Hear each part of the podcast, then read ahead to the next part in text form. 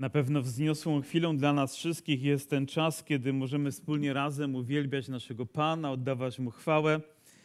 Z pewnością każdy z Was kiedyś miał przywilej być zanurzonym w ciepłej wodzie, tak? No, jesteście w tej wodzie jakiś dłuższy czas, wasze ciało się do tego przyzwyczaiło, a później trzeba wyjść z tej ciepłej wody, a na zewnątrz jest zdecydowanie zimnie. I człowiek nie ma ochoty opuszczać tego miejsca, nie ma ochoty, ponieważ wie, jaka jest różnica. I myślę, że kiedy uwielbiamy Boga, to wiemy, jaka jest różnica, kiedy wychodzimy z tego miejsca, kiedy musimy opuścić. Wierzę też, że Boże Słowo powoduje zmianę w naszym życiu i to bardzo głęboką zmianę. Gdy apostoł Paweł pisał pierwszy list do Tesaloniczan, to wywołał z pewnością pewne trzęsienie ziemi, nawet w tym zborze, ogromne zmiany. Także za chwilę musiał kolejny list napisać, dlatego że ten pierwszy był źle zrozumiany, albo nie do końca był zrozumiany tak, jak, jak to było w zamyśle apostoła Pawła, więc pisze bardzo szybko drugi list. Niektórzy twierdzą, że upłynęło zaledwie kilka tygodni. W tamtych czasach to było naprawdę bardzo, bardzo krótko. Dzisiaj trzeba byłoby SMS-a napisać i natychmiast ktoś już otrzymuje, albo maila otrzymuje, ale w tamtych czasach korespondencja trwała bardzo długa, więc kilka tygodni to jest dynamika bardzo duża, a więc widać, że była ogromna potrzeba napisania drugiego listu listu dotyczącego ważnego i dla nas również bardzo ważnego tematu powtórnego przyjścia Pana Jezusa Chrystusa. Opatrzność zrozumienia pierwszego listu powodowała pewne złe rzeczy, które wydarzyły się z Boże. Jak to jest, że Boże Słowo źle zrozumiane może rodzić złe przyzwyczajenie, albo złe nawyki, albo złe rzeczy, które, złe decyzje, które podejmujemy. W ogóle więc potrzeba drugiego listu i dlatego też nie czekając kilka tygodni postanowiłem, że będziemy kontynuować drugi list, aby u nikogo z nas nie powstało nic niewłaściwego, niewłaściwe zrozumienie Bożego, Bożego Słowa. I zauważymy też pewną różnicę pomiędzy pierwszym listem a drugim listem. Pierwszy list, można powiedzieć, że był bardzo łagodny w swojej treści, choć był bardzo wymowny, głęboki. Drugi list, nawet już pierwszy rozdział, jest tak jakby trochę potrząśnięciem tym zborem, uświadomieniem, ale zaraz, zaraz musicie uważać, musicie głębiej przemyśleć, musicie lepiej rozumieć Boże Słowo. I czasami my, wierzący ludzie, potrzebujemy, żeby ktoś nami potrząsnął. Potrzebujemy Słowa Bożego, które z wielką mocą, wielkim skutkiem będzie oddziaływać na nasze życie. Nie chcę powiedzieć, trzymajcie się, ale czytając Boże Słowo, pilnujmy naszych serc, bądźmy otwarci na to Słowo, niech ono wykonuje w nas swoją pracę. Poruszymy tematy, które być może dzisiaj nawet zostały zapomniane w świecie, że chrześcijańskim świecie, że powinny być poruszane, odłożone gdzieś na półkę, ponieważ są niepopularne, dla kogoś mogą być niewygodne, ale skoro apostoł Paweł uderza tutaj z tak wielką mocą i my przyjmiemy również to, a wy powiecie? Aleluja. Bardzo się cieszę, że takich wierzących mamy dzisiaj na sali, a jak się okaże z przyjmowaniem, o to się przekonamy. Początek każdego listu apostoła Pawła wygląda dość podobnie, jak zresztą większość listów, które się w ten sposób rozpoczynały, to była pewna forma. Na początku mojego listu chcecie serdecznie pozdrowić i, i z pewnością tak was również uczono, kiedy wypisaliście listę w szkole, w klasie czwartej czy piątej, że, że początek był taki, bym powiedział, wydaje się schematyczny, ale nigdy Boże Słowo nie jest schematyczne. Kiedy apostoł Paweł kieruje ten list, to nie chce, żeby oni po prostu przelecieli pierwsze dwa wiersze czy trzy i później skoncentrujemy się na treści, dlatego że każdy z nich ma znaczenie. Paweł mówi, Paweł i Sylwan i Tymoteusz do zborów Tesaloniczan w Bogu Ojcu naszym i w Panu Jezusie Chrystusie. I nawet już ten jeden wiersz nie tylko mówi, kto jest autorem. Oczywiście rozpoczyna się od apostoła Pawła, ale jakby podpisuje się pod nim Sylwan i Tymoteusz. Możemy mieć pewne pytanie. No znamy Pawła, znamy, znamy Tymoteusza, ale kim był Sylwan? Co to za postać nowotestamentowa? Tutaj akurat jest użyta forma Sylwan, tak, tak powiem, zmieniona z tego pierwotnego imienia, które w języku oryginalnym hebrajskim brzmiało Sylas. Znacie Sylasa? O, Sylas, o teraz to rozumiemy. No dobrze, nie trzeba było tak pastorze od razu powiedzieć, że chodziło o Sylasa. A Sylas był nieodłącznym tym człowiekiem, który razem z Pawłem podróżował i doświadczał wielu rzeczy. Na przykład w Filipie wiecie, że to Paweł i Sylas byli uwięzieni, że to Paweł i Sylas wielbili Boga. I nawet dzisiaj zastanowiłem się, bo oni śpiewem zaczęli wielbić Boga w tych trudnych okolicznościach. Jak to jest, że wierzący ludzie w każdym czasie potrafią wielbić Boga? No nie tylko wtedy, kiedy jest dogodnie, kiedy jest wygodnie, kiedy jest komfort, ale wtedy, kiedy jest trudno, właśnie wtedy sprawdza się wiara. I, i Sylwan, Sylas był sprawdzonym człowiekiem. I zastanawiałem się, który z nich zaczął śpiewać. Oczywiście mówimy zawsze Paweł i Sylas, Paweł i Sylas, ale może to Sylas powiedział, hej Pawle, będziemy śpiewać teraz. Uwielbimy Pana pieśnią. Może to on go zachęcił, nie wiemy. Po prostu jest przekazane. Pamiętam, byłem młodym chrześcijaninem, dopiero co poznałem Pana Jezusa, uczyłem się Bożego Słowa i spotkałem pewnego wierzącego człowieka. Nie wiem, czy powinienem to, to powiedzieć, ale dziwny był trochę w swoim zachowaniu. Tak, no, jego zachowanie odbiegało od takich standardów, do których ja byłem przynajmniej przyzwyczajony. I wracaliśmy z jakiegoś nabożeństwa, chyba to było w Sosnowcu, jeszcze przy ulicy Smutnej, tam zbór się zgromadzał. To ciekawe, że kiedyś zgromadzał się przy ulicy Smutnej, a teraz zgromadza się przy ulicy radosny. Aleluja, prawda? Jakie Bóg potrafi mieć poczucie humoru w miejscu. Ale ja mówię, zawsze uważajcie, bo oni są na skrzyżowaniu ulicy Radosnej z Letnią. Także mówię, uważajcie na siebie, aby to drugie nie stało się tym, tym pierwszym. Ale cieka, ciekawa rzecz. I zwracałem razem z nim z tej ulicy Smutnej, tak idziemy sobie drogą, przechodni nas mijają. On tak patrzy na mnie i mówi, hej, mówi, zaśpiewajmy sobie jakąś pieśń po drodze, nie? Tak po prostu na głos będziemy iść i śpiewać. Popatrzyłem na niego nieco dziwnie w tym momencie. Żadna pieśń na pewno nie napłynęła do mojego serca, ale Paweł i Sylas wielbili Boga w tak trudnych okolicznościach. I mam nadzieję, że my będziemy gotowi również, bez względu na to, co się będzie działo, śpiewać pieśń chwały. I mówi do zborów Tesaloniczan. Niewiele czasu tam Paweł spędził, ale powstał zbór. Ktoś nawet powiedział, jak w kilka tygodni może powstać zbór, który będzie trwał i trwał i trwał i trwał powiem, potrzeba może lady na to, może pokoleń potrzeba, ale nie, jeżeli słowo jest zasiane, padnie w dobre serca, grunt właściwy, to zrośnie zbór, po prostu Bóg tego dokonuje. I ten zbór trwał w Bogu Ojcu i w Panu Jezusie Chrystusie. I to jest ważne, byśmy o tym pamiętali. I później padają te dwa słowa, które są życzeniem i które są oczekiwaniem. Łaska wam i pokój od Boga Ojca naszego i Pana Jezusa Chrystusa. Już wiemy, skąd pochodzi łaska. Gdzie jest źródło pokoju w naszym życiu? W Bogu, w naszym Panu Jezusie Chrystusie. I myślę, że to są te podstawowe zagadnienia, do których zbór i my, bez względu na to, jak długo jesteśmy wierzącymi, wciąż elementarnie i fundamentalnie potrzebujemy powracać do łaski i do pokoju. Bo powiedzcie, cóż by znaczyło nasze chrześcijańskie życie bez łaski? Powiem, jakbyśmy przystępowali do tronu Boga, jakbyśmy przychodzili do Niego, gdyby ta łaska Boża nie pracowała w każdym z nas tak skutecznie i tak pełen mocy. Cóż znaczyłby zbór? Gdzie my byśmy byli, gdyby nie łaska Boża?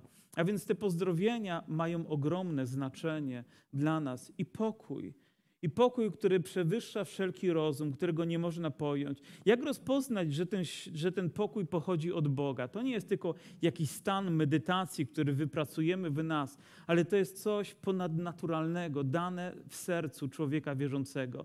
Wiecie, jak poznać, gdy wszyscy inni panikują, a ty zachowujesz spokój? To wiesz, że to już nie pochodzi od ciebie. Gdy ludzie dramatyzują i wyrywają sobie włosy niemal z głowy, rozdzierają szaty, ty mówisz, aż dziwię się, że zachowuję w tym momencie pokój, ponieważ to pochodzi od Boga. Doświadczyliście tego? Może nawet gdy są rzeczy trudne, gdy lekarz mówi ci o rzeczach, które niepokoją cię i inni w tym momencie już panikują, a ty zachowujesz pokój. Może sytuacja twoja ekonomiczna nie wygląda najlepiej, ale ty zachowujesz pokój. Może ktoś mówi nie, gdy spodziewasz się, że powiesz tak, ale mimo wszystko zachowujesz w tym momencie pokój, bo to pochodzi od Boga. Jako człowiek wierzący możesz tego doświadczać i chwała Mu za to, że tak jest. I Kościół potrzebuje Bożego pokoju.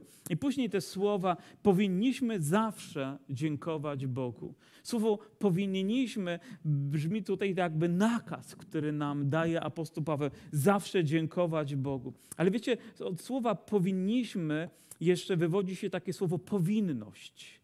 Naszą powinnością jest, naszym przywilejem jest, aby zawsze dziękować Bogu. Myślę, że to stwarza pewną atmosferę w naszym sercu, jeżeli właśnie taką postawę dziękczynienia w naszym życiu przyjmujemy. Bo pomyślcie, jeżeli nasze serce nie będzie wypełnione dziękczynieniem, to czym będzie wypełnione? Narzekaniem, krytykowaniem, oskarżaniem, ciągłym utyskiwaniem, jak to jest źle.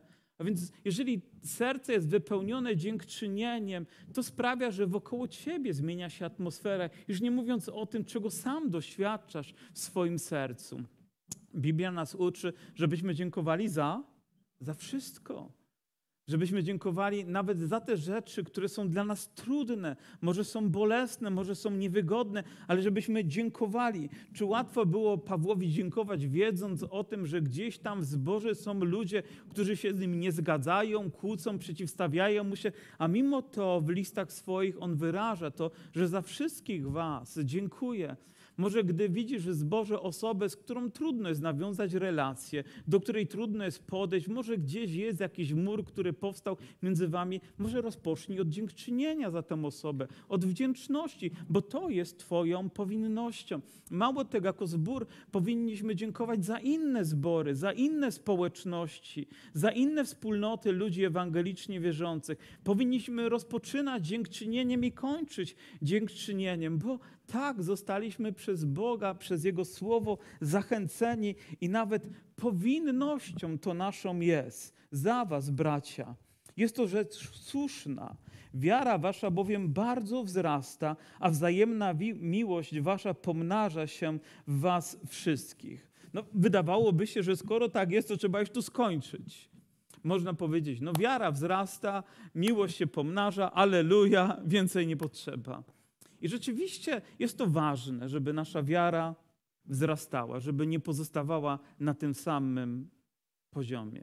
Wiecie, wraz z wiarą powinno wzrastać znajomość Bożego Słowa, nasza modlitwa, nasze życie modlitwę. To są rzeczy powiązane ze sobą. Jeżeli widzicie chrześcijanina, który pozostaje w tym samym miejscu z roku na rok, a może nawet z dekady na dekadę, to trudno mówić o, o wzroście w wierze o poznawaniu Boga, o doświadczaniu Go. Miłość pomnaża się wtedy, kiedy ją okazujemy też innym. Jest to związane jakby z, z, kolejnym krokiem też w naszym wierze, wyrażaniu tej miłości, okazywaniu Bogu, okazywaniu innym ludziom, wyrażaniem, nauczeniem się tego wyrażać. Myślę, że jest wielu ludzi na świecie, którzy mają problem z wyrażaniem miłości, że gdzieś, nie wiem, czy przez wychowanie, czy przez kulturę, w której się wgali, mają problem powiedzenie drugiej osoby: Kocham cię. I to nie jest tylko puste słowo, ale za tym rzeczywiście idzie nasze zaangażowanie, że czasami nawet dzieci nie słyszą przez całe życie, że rodzice je kochają, że, że naprawdę im na nich zależy. Czasami później te dzieci mają problem wyrażania tego innym osobom, które są im bliskie swoim dzieciom i tak z pokolenia w pokolenie, ale w kościele Pana Jezusa powinno być inaczej. W Kościele Bożym powinniśmy uczyć się przyjmować i okazywać miłość, bo miłość okazywana, ona się pomnaża. Naprawdę pomnaża się tutaj na tym miejscu, kiedy potrafimy to zrobić, kiedy angażujesz się w życie, w służbę. Jest to związane z trudnością. Za każdym razem, gdy przyłożysz rękę do tego dobrego dzieła, to możesz się spodziewać, że nie wszystkim się to spodoba, że ktoś to skrytykuje, ale jeżeli będziesz robił to z wiarą i z miłością, to w ten sposób ona będzie pomnażana, pomnażana, pomnażana. W ten sposób będzie wyrażana tutaj w stosunku do innych ludzi, którzy tego potrzebują. Dlatego wszyscy powinniśmy być w to zaangażowani, by okazywać sobie. Pomyślcie, gdyby ktoś z nas dzisiaj podjął decyzję, że w jakiś sposób, w tym zborze nawet, w tej społeczności okaże innej osobie miłość taką po prostu zwyczajną miłość, którą Bóg wkłada w nasze serce, nawet przez dobre słowo, przez jakiś gest, przez może rzecz, którą możemy dla siebie nawzajem zrobić, czy to nie będzie pomnażanie? Czy gdy wychodzimy na zewnątrz i okazujemy, czy nie pomnażamy miłości? Ona nie jest po to, żeby gdzieś w zastygły sposób być tylko w naszym sercu, ale by była żywa, by było jej coraz więcej i by była okazywana innym, bo ona ma być pomnażana. I oto także my sami chlubimy się wami w zborach Bożych. Przeczytałem to słowo, bo słyszałem to określenie o zborach bożych. Są zbory Boże i myślę, że to jest nawet nazwa pewna denominacyjna. Ale jeszcze nazwa o niczym nie mówi, bo możesz mieć imię, że żyjesz, a jesteś, a, a nie jesteś żywym, prawda? A przynajmniej nie tak, jak Bóg tego oczekał. Można mieć nazwę, że jesteś zborem Bożym, ale tak nie jest. My często używamy takiej nomenklatury naszej, że o, gdzie chodzisz do zboru? A, chodzę do zboru do pastora ściwiarskiego. Jeszcze, no, ja może jestem tu pastorem, ale to nie jest mój zbór. Myślę, że najpiękniejszym określeniem jest to, że jesteśmy Bożym zborem. Że ten zbór, te osoby, które tutaj są, i nie mówimy o budynku, nie mówimy o administracji, nie mówimy o tych wszystkich rzeczach, które są potrzebne do funkcjonowania, ale nie tworzą zboru. Wy jesteście zborem, my jesteśmy zborem.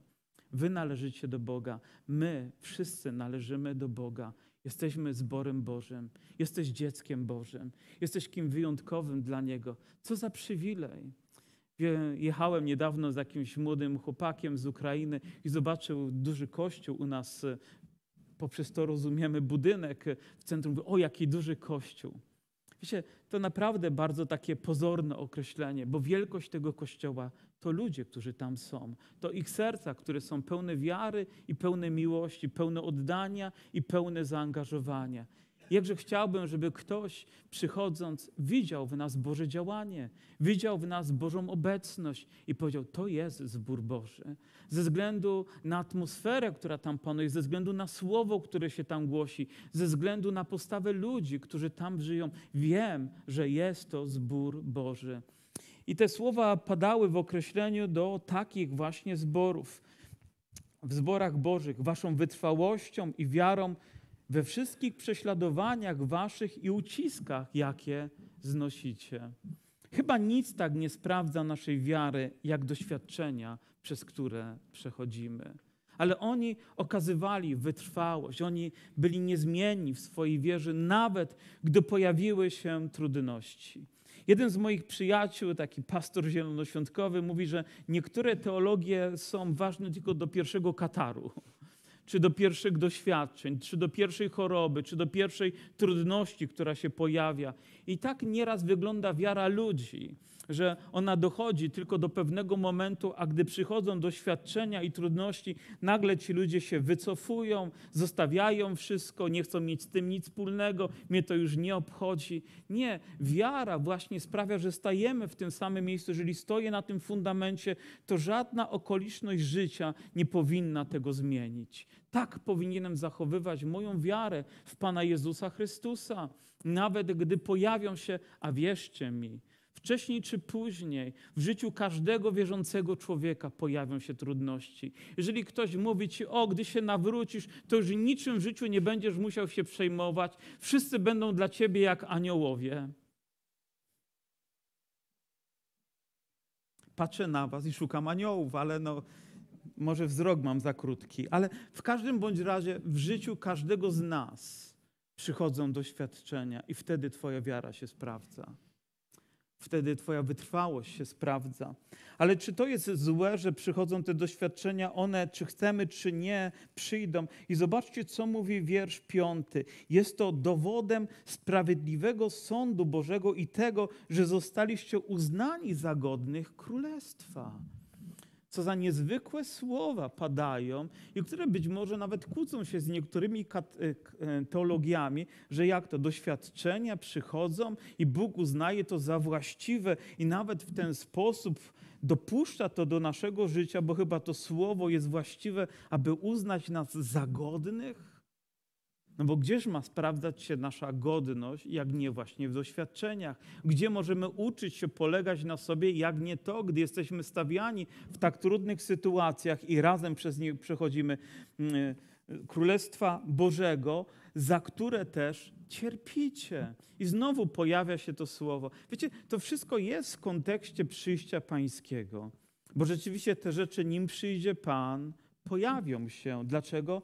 Gdyż sprawiedliwa to rzecz u Boga odpłacić uciskiem tych, którzy nas uciskają.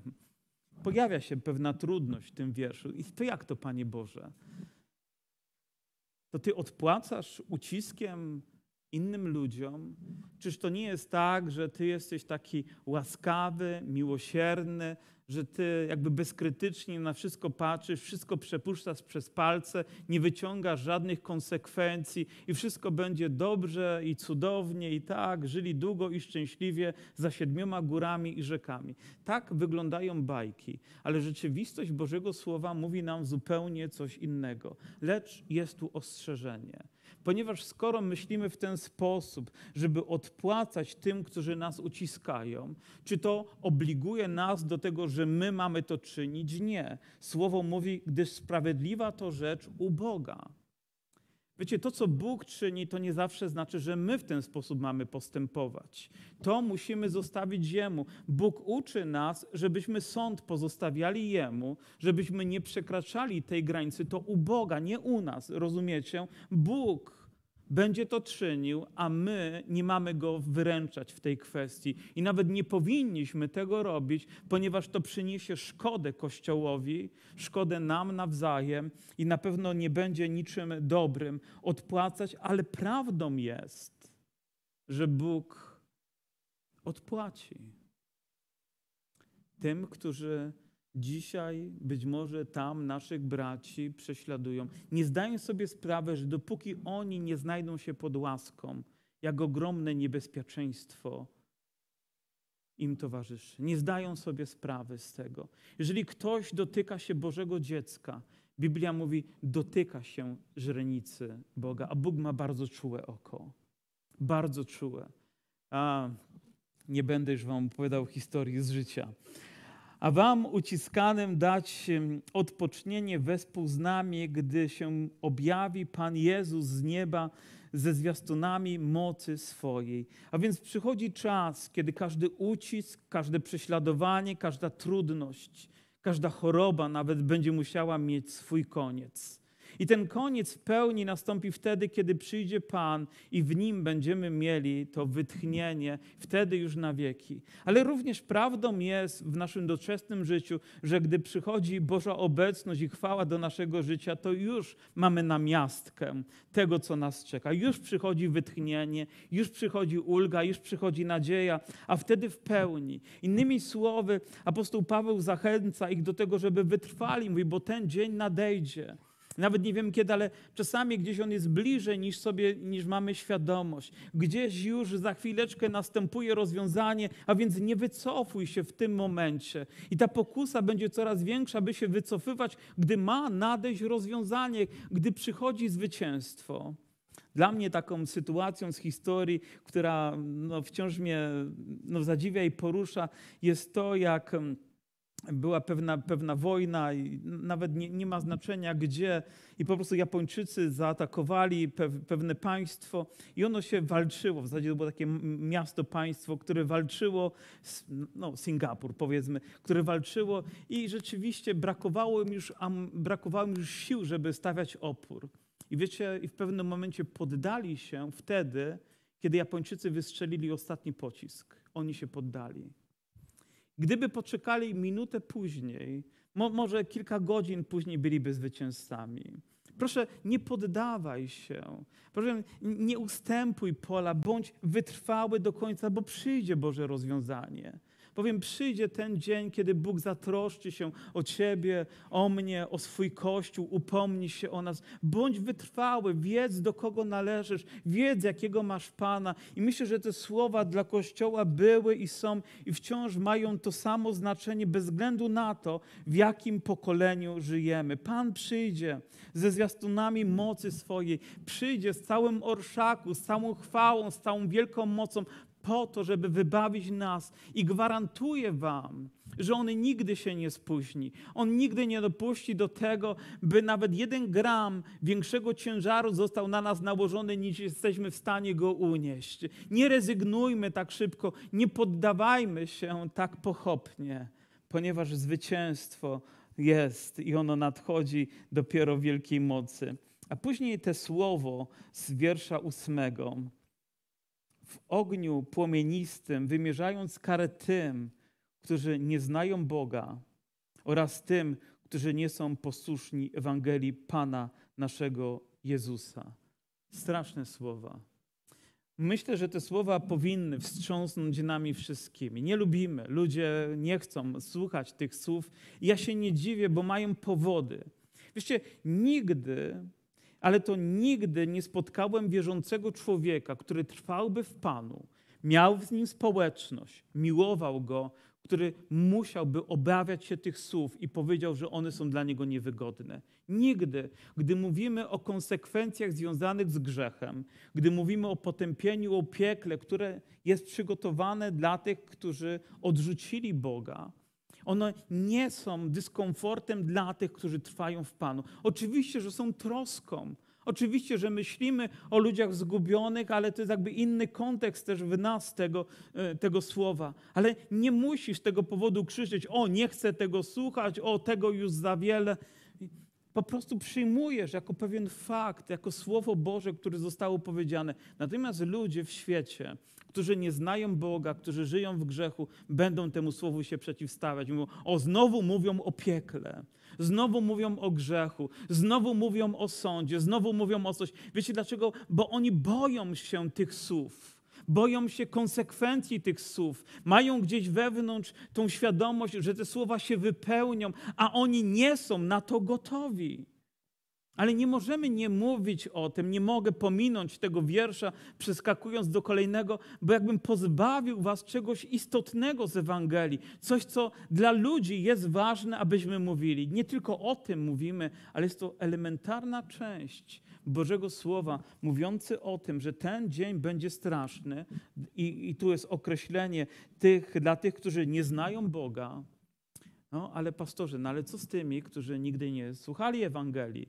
Nie było ewangelizacji. Billy Graham tam nie przyjechał. Powiem, zbór w Dąbrowie Górniczej nie dotarł jeszcze do tych zakamarków. Co z tymi wszystkimi ludźmi? Zastanawialiście się kiedyś? Ktoś z was zadał sobie takie pytanie? Mam jedną właściwą odpowiedź. Zaufaj Bogu. On jest sprawiedliwy. On nigdy nie wyciągnie niczego pochopnie, on nie osądzi nikogo niesprawiedliwie. Musimy tutaj zaufać Bogu. Wiemy też, że Bóg włożył swój zakon w serca ludzi i ludzie gdzieś w głębi wiedzą, co jest dobre, a co jest złe.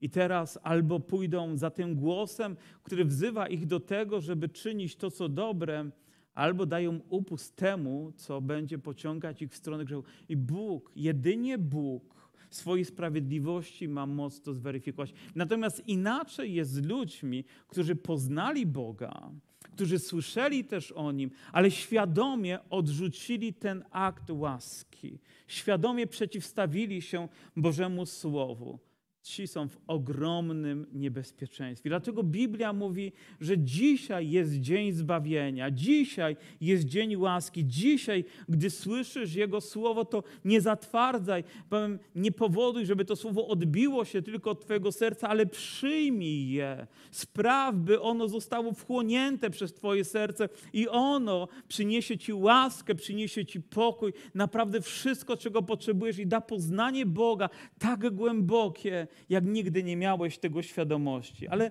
nie tylko do tych ludzi to słowo się kieruje. Spójrzcie na drugą część tego wiersza, którzy nie znają Boga oraz tym, którzy nie są posłuszni Ewangelii Pana naszego Jezusa. Bo wydaje się rzeczą normalną, że jeżeli ktoś nie zna Boga, odrzuca Boga, to jakże będzie posłuszny Ewangelii. Ale widać, są ludzie, którzy usłyszeli Ewangelię i być może nawet intelektualnie respektują jej prawdę, ale nie okazują jej posłuszeństwa. Czy to znaczy, że to słowo jest skierowane również do Kościoła, do zboru, do ludzi wierzących, którzy lekceważą sobie tak drogocenny dar łaski, jakim jest zbawienie, które zostało nam okazane, że roztrwaniają swoje życie na rynku tego świata w bezkrytyczny sposób, którzy żyją sobie jedną nogą w kościele, a drugą w świecie, wskakują tylko do zboru, żeby zaspokoić swoje sumienie, a może nawet kogoś, kto razem z nimi jest, ale żyją tak, jakby nigdy Boga nie poznali. Czy powinni zadrzeć, słysząc te słowa? Oczywiście, że tak.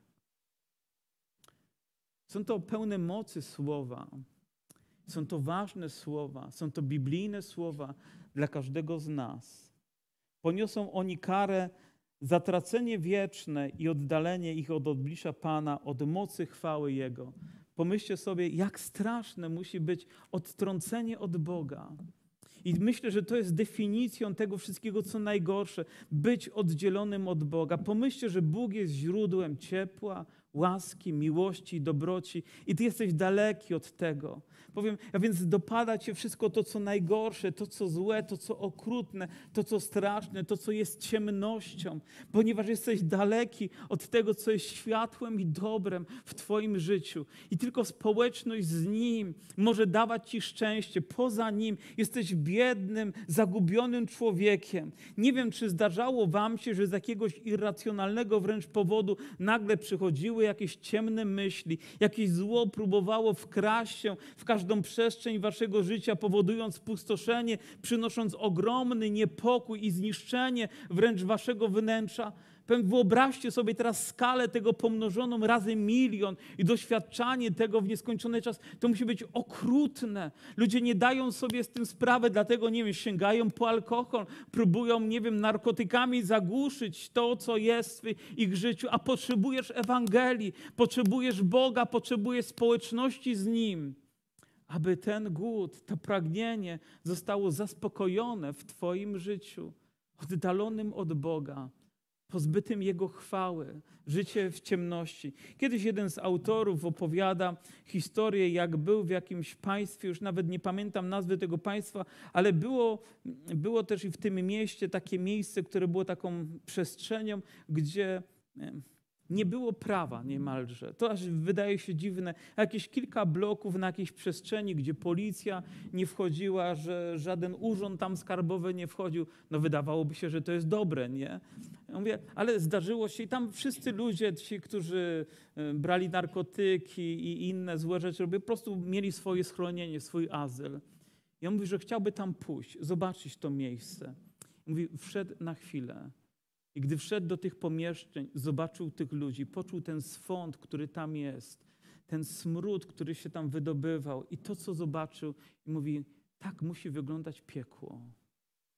Pozbawione tego, co dobre, tego, co prawe, tego, co szlachetne. Mówi: Tak musi wyglądać piekło. To zaledwie była namiastka tego, co może czekać człowieka, który nie poznał Boga albo świadomie go odrzuca albo po prostu świadomie nie chce być mu wierny. Okrutna i bolesna rzeczywistość. Gdy przyjdzie w owym dniu, i Biblia nie mówi, jeśli przyjdzie, może przyjdzie, prawdopodobnie mówi, gdy przyjdzie.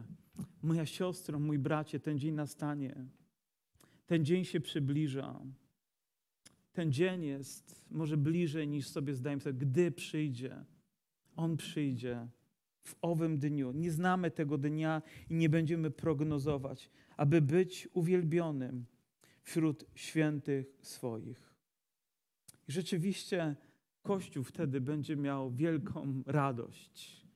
Będziemy śpiewać: Święty, święty jesteś, Panie. Będziemy oddawać Mu chwałę. Hmm. I podziwianym przez wszystkich, którzy uwierzyli, bo świadectwu naszemu uwierzyliście. Jakże ogromne znaczenie ma składanie świadectwa o Panu Jezusie. Te proste słowa, które padły z serca ust apostoła Pawła do serc ludzi, którzy je przyjęli, sprawiło to, że gdy na ten dzień nadejdzie ich serca, ich życie będzie jaśniało, będą jaśnieć, będą pełne uwielbienia, a jeżeli nie, okryje je mrok i ciemność. Naprawdę nie chcę, żeby to brzmiało jak kazanie ze średniowiecza. Ja po prostu chcę, by to brzmiało jak prawda Bożego Słowa, która została nam objawiona. I w tej myśli też modlimy się zawsze za Was, aby Bóg nasz uznał Was za godnych powołania i w mocy doprowadził do końca wszystkie Wasze dobre zamierzenia i dzieła wiary, aby imię Pana naszego Jezusa Chrystusa było uwielbione w Was, a Wy w Nim według łaski Boga naszego i Pana Jezusa Chrystusa. I znowu pojawia się zagadnienie, które myślę, że jest ważne, że Paweł mówi, żebyśmy my byli, żeby On był uwielbiony w nas, a my byśmy byli uwielbieni w Nim. Oto to połączenie niezwykłe, że Bóg chce w swojej chwale i mocy być obecny, zaangażowany w nasze życie, ale On również chce, byśmy my całym naszym sercem byli zaangażowani w Nim, w Jego królestwie, w Jego dziełach. Aby wszystko to, co dobre, zostało doprowadzone do końca, to, co On rozpoczął. Czy widzicie, jaki kierunek też Bóg nam określa? Żeby wszystkie dobre dzieła zostały wykonane w Nim. Ani ja, ani Ty nie mamy takiej sprawczej mocy, by dobre dzieła zostały wykonane tak, jak Bóg to zamierzył. Ale jeżeli będziemy trwać w społeczności z Nim, jeżeli On będzie obecny w naszym życiu, to będzie wykonywane krok za krokiem, wydarzenie za wydarzeniem, świadectwo za świadectwem, być może historia za historią i nawet te wszystkie inne rzeczy, powiem, będą pod Bożą kontrolą każdego dnia w Twoim życiu. Trwaj po prostu w Panu, trwaj w Jego słowie, trwaj w Jego społeczności, bądź zaangażowany w Jego, w Jego dzieła, do których Cię powołuje. Żyj codziennie Jego realnością, a zobaczysz, ile dobrych rzeczy pojawi się. Zobaczysz, że Twoje serce będzie pełne łaski, pokoju, bo tylko to tak naprawdę może nas przygotować na ten wyjątkowy dzień spotkania razem z Nim.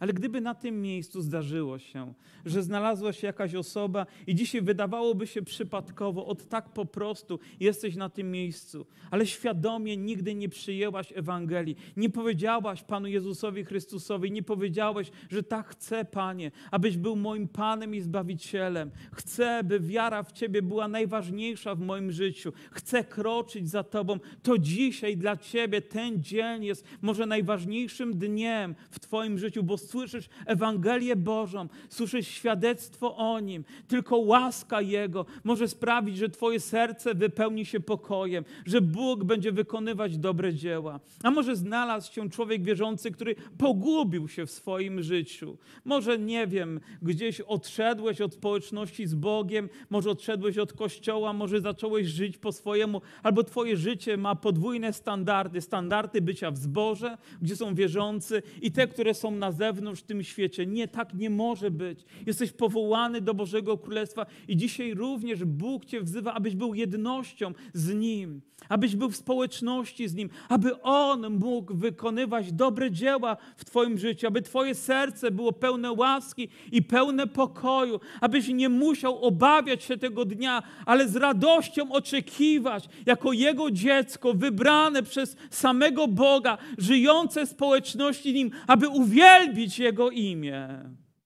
Gdy On nadchodzi w swojej wielkiej mocy i w swojej wielkiej chwale wśród wszystkich świętych wraz z wielką mocą, która będzie Mu towarzyszyć. Co za dzień? Ów dzień, ten dzień. I nie jeśli, nieprawdopodobnie, ale On nadchodzi. On nadchodzi dla mnie i dla Ciebie, by być wybawieniem, by być odpowiedzią dla tego świata. To będzie dzień, kiedy ludzie będą pełni chwały albo pełni dramatu. To dzisiaj decydujemy, w której części czy w której grupie ludzi my będziemy. Dzisiaj decydujemy. I wierzę, że dokonujemy właściwego wyboru, słuchając Bożego Słowa, respektując Jego Słowo i żyjąc, oczekując z nadzieją tego dnia. Amen. Ów dzień nadchodzi.